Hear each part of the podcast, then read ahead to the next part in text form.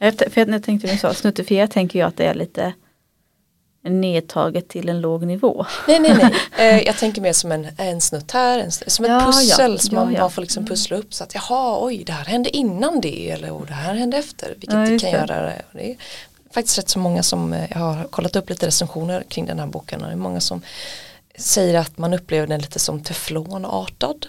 Mm. Liksom att det, det, det fäster sig fast inte riktigt. Nej, nej. Det är liksom lite men eh, väldigt, eh, en väldigt stark berättelse skulle jag säga. Mm. Ja, spännande blir att mm. höra om det. Mm. Jag har ju lite, Esselin hör inte till vanligheterna tänker jag. Mm. Men att jag har med mig en elevskriven bok. Låter spännande. Um, den då... har man ju sett um, omkring lite den här boken. Vi har ju tagit in den på biblioteket. Och... Ja precis. Och att, att um, det händer ju, tänker jag, ja, det är väl det är någon varje läsår och i år har det väl varit ett par, tre stycken böcker som är skrivna av elever. Men jag tror att det här är den enda skönlitterära vi har fått in än så länge i år. Mm. Um, Just det, vi har fått in andra böcker. Ja, ja men någon, någon på liksom kokbok mm. och någon mm, fotobok har vi fått in. Ja, um, alltså elever som ofta, ofta är det att de gör detta som i sitt gymnasiearbete eller inom UF kurs eller så. Um, så jag tänkte att men den här ska jag ta och läsa och det har jag gjort. Så den tänkte jag skulle prata lite med om. Jag har också med mig en till bok ifall att vi vill fylla ut med någon till. Ja, visst. Mm. Sen så pratade vi lite grann om poddens fortlevnad. Uh, vi har uh, ju haft den här podden nu sedan 2018. Det slog mig att man kanske skulle kolla till många avsnitt vi har gjort. Det har jag inte kollat. Så man kunde sagt det här var det mm, avsnittet. Ja, Just det. Det, det, det är ändå fem år. Det är ändå fem år så det har ändå blivit, och i början var vi väldigt ambitiösa. Vi hade liksom ett avsnitt i veckan nästan. Just det. Det avtog den ambitionen lite. Ja, ja precis. uh, sen uh. som sagt det krävs en del för att uh, planera upp eh, för eh, varje boksamtal och så. Jo precis, sen har man ju det naturligt i och med att man jobbar som man gör att man ändå läser hela tiden så man har ju som regel alltid böcker man skulle kunna bokprata om. Absolut. Men det ska ju ändå som passa lite och man vill ha en variation och man vill ha precis. någonting som kan tilltala olika personer i olika avsnitt. Och så, så att det är som du säger, det krävs ju ändå en planering och sådär.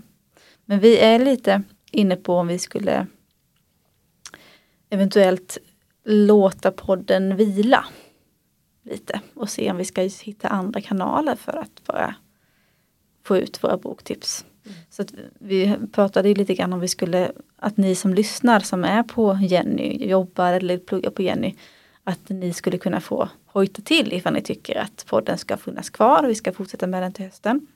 Eh, att då skulle ni kunna säga till oss eller mejla oss så vet vi lite grann hur läget ligger eller hur önskemålen ser ut. Och ni kan ju skicka det till antingen oss då, Hannas eller min mejl eller till bibliotekets egna eh, om man vill ha kvar oss. Precis. Det blir, tyck, tänkte vi att det kan vara som en liten Eller så kan man kliva in, säga hej. Ja, säga, det går ju också. Och gärna vara kvar. Precis, det, det går ju det också. Men jag tycker vi kör en liten jingel, sen ska vi dra igång.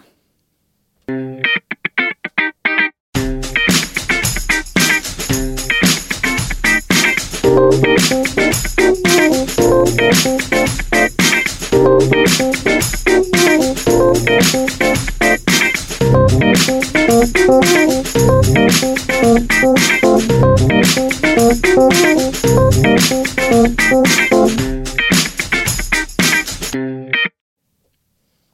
ska börja idag då? Ja, vad känner du? Känner du dig eh, Jag kanske ska börja med den här elevboken.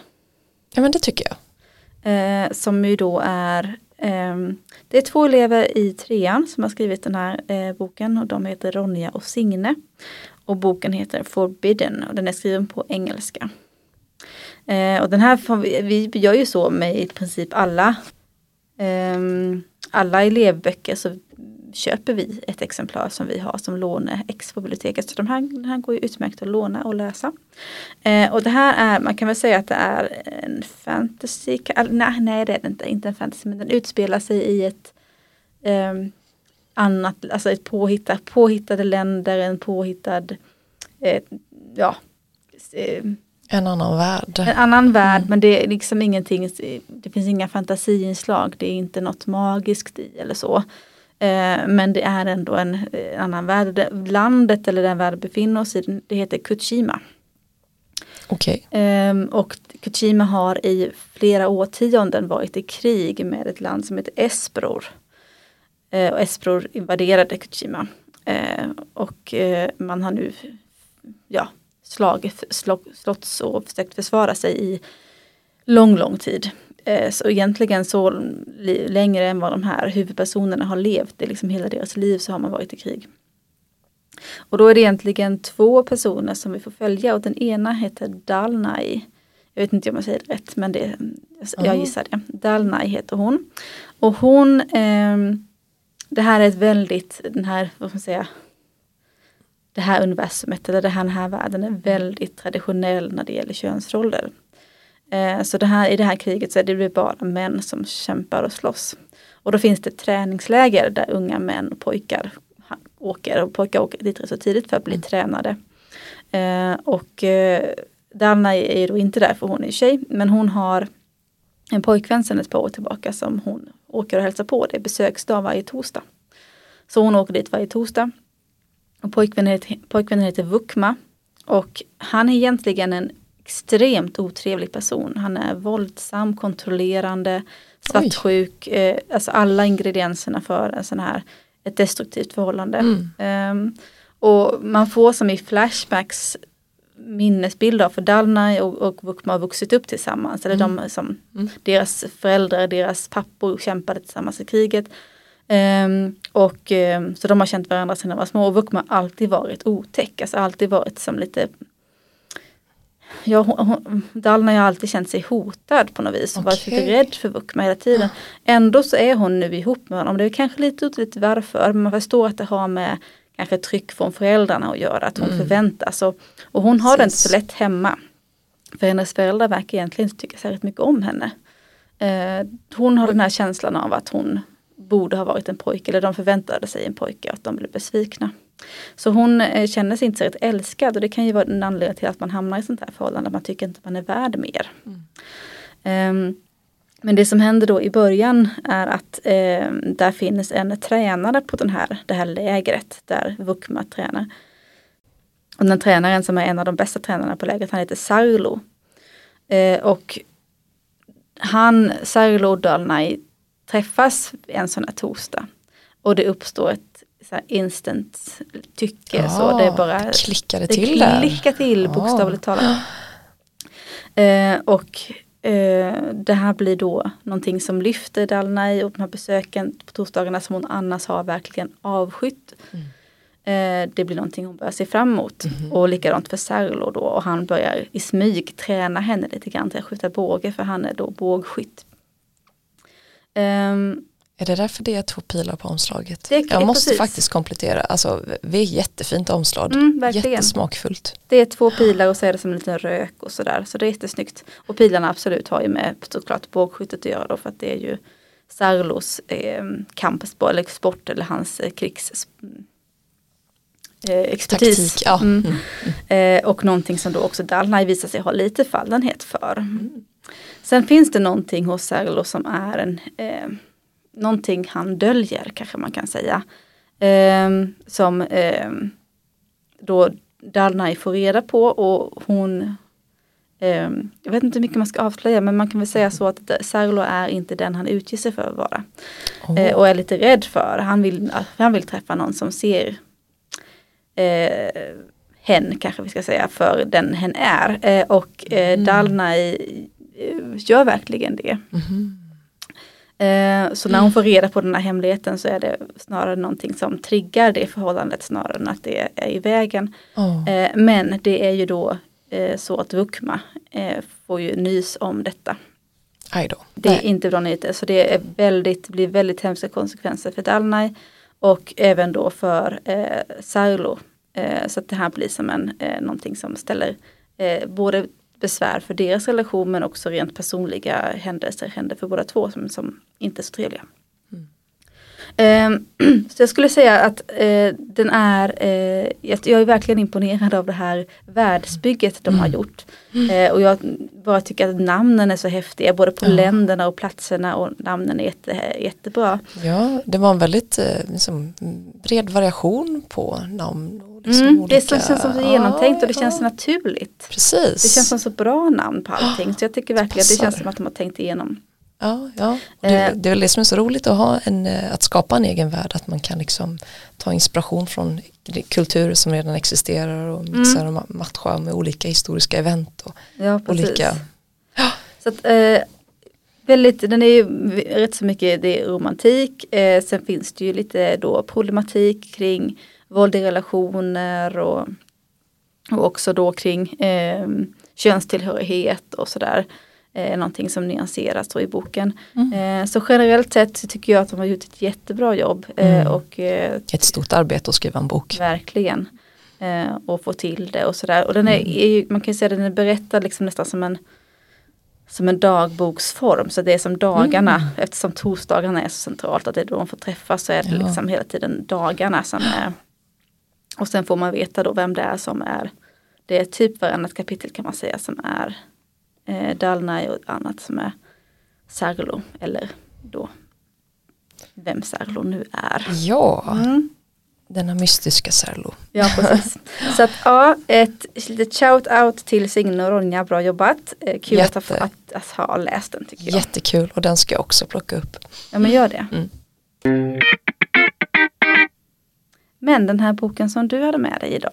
Ja, eh, jag har ju med mig eh, en, vad ska man säga, alltså den klassas väl lite som en dystopisk bok men eh, på ett sätt så kan man ju säga att den, den utspelar sig i en inte så lång, alltså inte så långt fram. Den, det här är en bok skriven av eh, Frida Isberg, då en isländsk författare.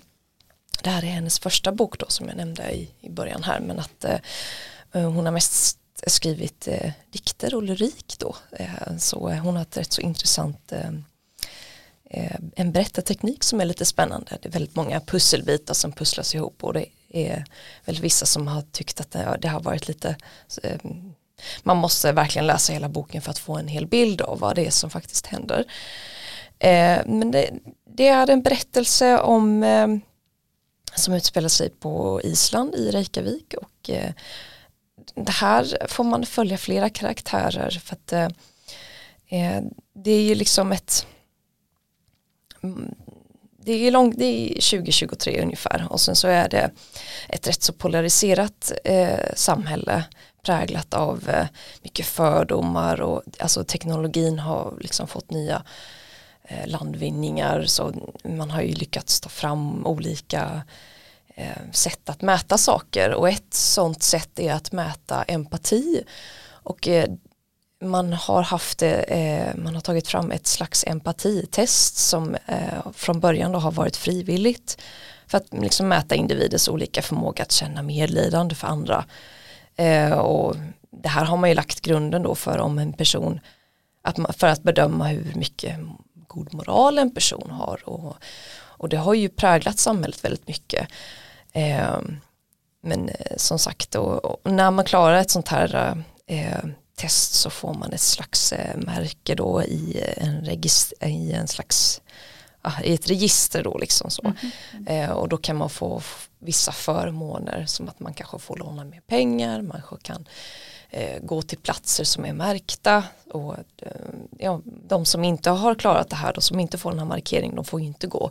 Så eh, det börjar ju lite där att det är många som tycker och ställer sig lite, vissa ställer sig för och vissa ställer sig eh, mot det här för att man tycker att det blir, det blir så det är ett orättvist sätt att kategorisera människor på.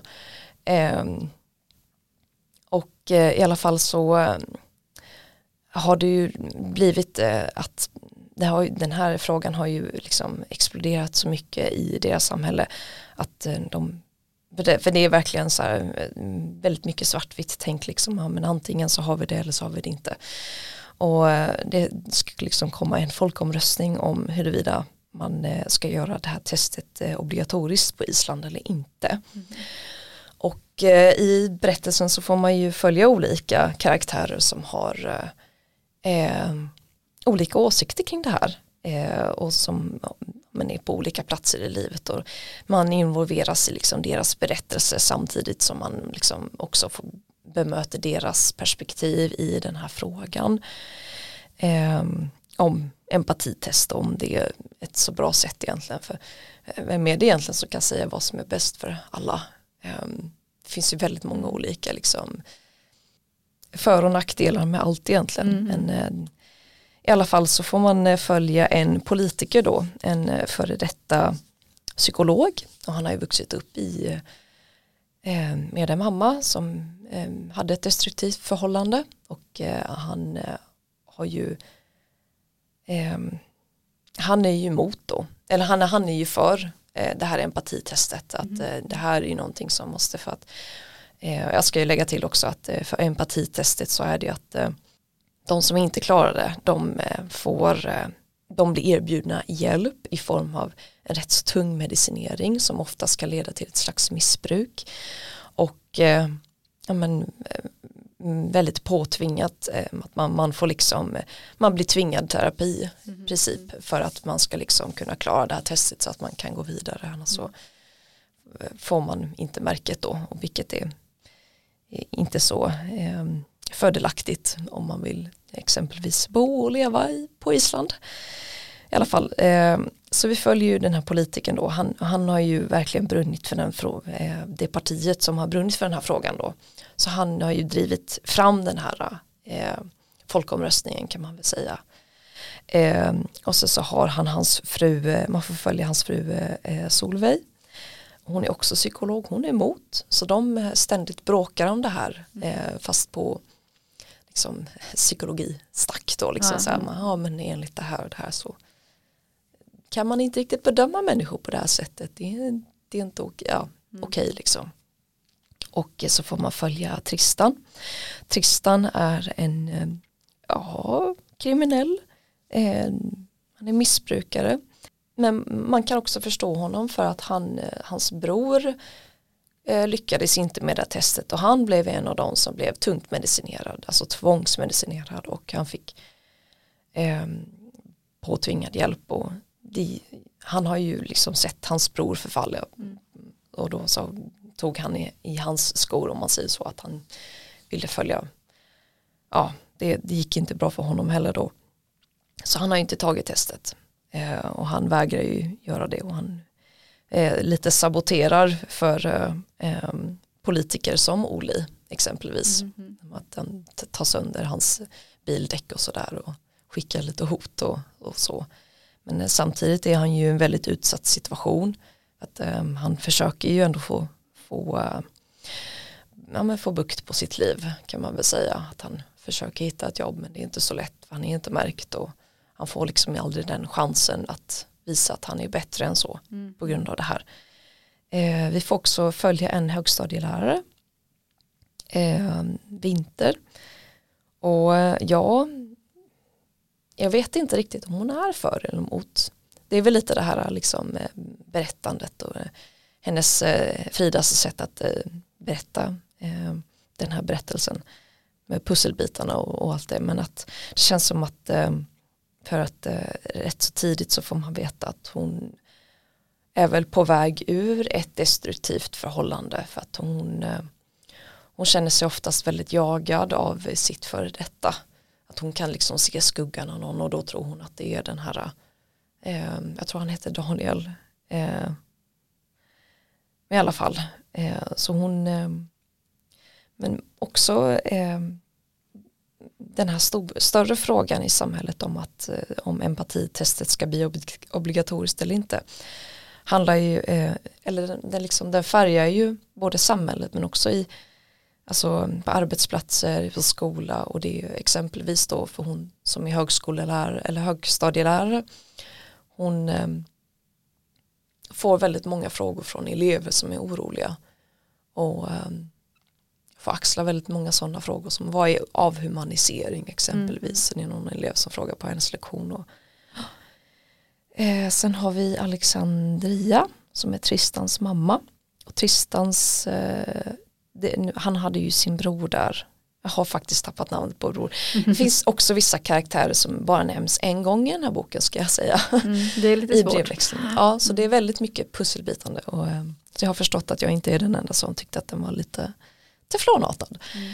Eh, men väldigt spännande måste jag säga. Eh, ja, men eh, Alexandria hon har ju perspektivet av eh, att vara mamma och, och att eh, hon har väl kanske inte heller haft eh, hon, hon, känner ju ett väldigt stort ansvar för sina två söner att det har gått så dåligt för dem och att hon mm. känner att hon är ja, ångrar vissa saker hon inte sagt och gjort och väldigt läsvärd bok. För den, på något sätt så eh, kan man ju uppleva i dagens samhälle att det, det är rätt så polariserat. Att, eh, jag tänker att just det här med att märka att eh, man kanske ofta tänker att en del människor får som en stämpel på sig. Att ja. det blir som omvänt att, att har man eh, Kommer man från en viss bakgrund eller har man en viss typ av, kan ju handla om vilka föräldrar man har eller om man någon gång har slagit in på en bana att man kan bli stämplad. Precis. Och då blir det som att, att man har svårt kanske att komma tillbaka eller att få en andra chans i samhället. Att det kan vara svårt Precis. och då blir det här lite omvänt att då skulle man mm. tänka att, att man stämplar eller märker ut dem som man ser som skötsamma och alla andra som inte når den ribban då ja. blir ju eh, mm. ja, får ju svårigheter då enligt det systemet. Precis. Så det där är ju, eh, tänker jag, rent filosofiskt lite intressant att tänka på. Vad, eh, hur vi kategoriserar människor och vilka förmåner och, och, så vidare man får om man följer en viss mall eller om man Ja, precis. Jag tänker till exempel på, det här en gammal film nu, det är en film som kanske, jag vet inte när den kom, men eh, det är ju med, vad heter han, Tom Cruise i huvudrollen som heter Minority Report. Jag vet inte om du har sett den. Nej, den, Men den är rätt gammal nu, så här, så, ja, actionfilm. Men konceptet i den som jag kommer att tänka på när du sa det här var att man har hittat på en teknik som kan förutspå brott. Mm. Och sen så fängslar man då människor precis i det ögonblicket de skulle begått brottet. Man har en slags eh, förutspåelsefunktion. Mm, eh, och då är det här kan man arrestera eller fängsla eller straffa någon för ett brott de inte begått än. Mm. Eh, och det är lite grann samma princip, ja, att man, om man då skulle utgå ifrån hur människor, vilka egenskaper man har eller vad man har för slags, ja, hur man funkar eller hur hjärnan liksom så. Mm, att man precis. utifrån det skulle då döma folk att men du är inte lämpad för det här och det här. Mm. Och då tar man ju också bort den fria viljan på något ja, vis. Precis. Att man tänker att vi, jo man kan vara född med olika egenskaper men man har också en vilja att göra olika saker med det. Precis, och um, att inte, alltså som som du sa, kan man verkligen arrestera någon som inte ens har begått något brott Nej. än? Är det, är det baserat på vissa eh, förutfattade meningar om, eh, om vilka, vissa karaktärsdrag eller om man har möjlighet att känna empati eller inte? Ja, precis. Ja, det är sådana där saker som jag tänker återkommer rätt så mycket populärkultur och mm. kultur så att man, att man eh, reflekterar mm. kring eh, hur vi kategoriserar människor, hur vi bygger upp vårt samhälle utifrån vår människosyn. Och sådär. Sen kan jag ju också tänka mig att eh, eh, som i Kina, det här med sociala poäng, mm. att eh, det är ju också ett form av system. Mm. Eh, det, är ju, det är ju inte tester men det är ju en konstant övervakning. Mm. Eh, lite ja, början till ett auktoritärt eh, dystopiskt ja. samhälle. Och liksom. menar, meritokratier är ju inte något nytt så att man, att man eh, ha ett styre och en struktur utifrån vilka meriter man har så att säga. Det är ju inte mm. något, eller vilka prestationer Nej, det, man gör, det är inget, inget nytt egentligen. Det är klart, men uh, hur långt man kan dra det, mm. jag, vet, man kan, jag har hört att man kan få sociala poäng för att man slänger soporna. Och liksom, ja men precis, det, jo men i vissa regioner i Kina ja. har de ju det, mm. ett sånt mm. social credit system. Mm. Mm. Väldigt spännande bok, väldigt läsvärd och eh, tyvärr är det ju någon som redan har lånat den. Ja, ja. eh, den är utlånad just på, nu men den tur. finns annars på biblioteket. Så, det var den boken jag hade med mig mm. idag.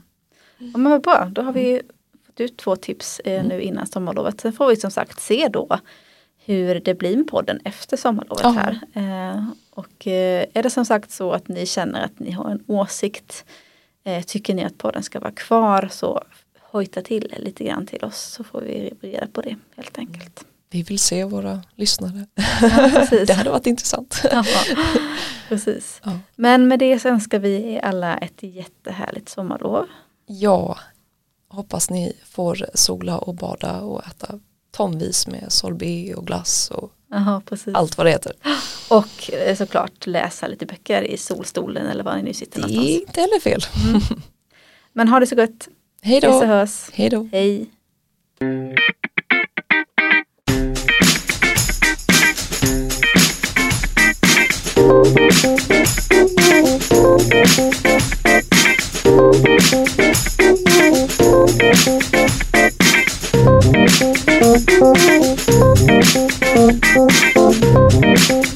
Thank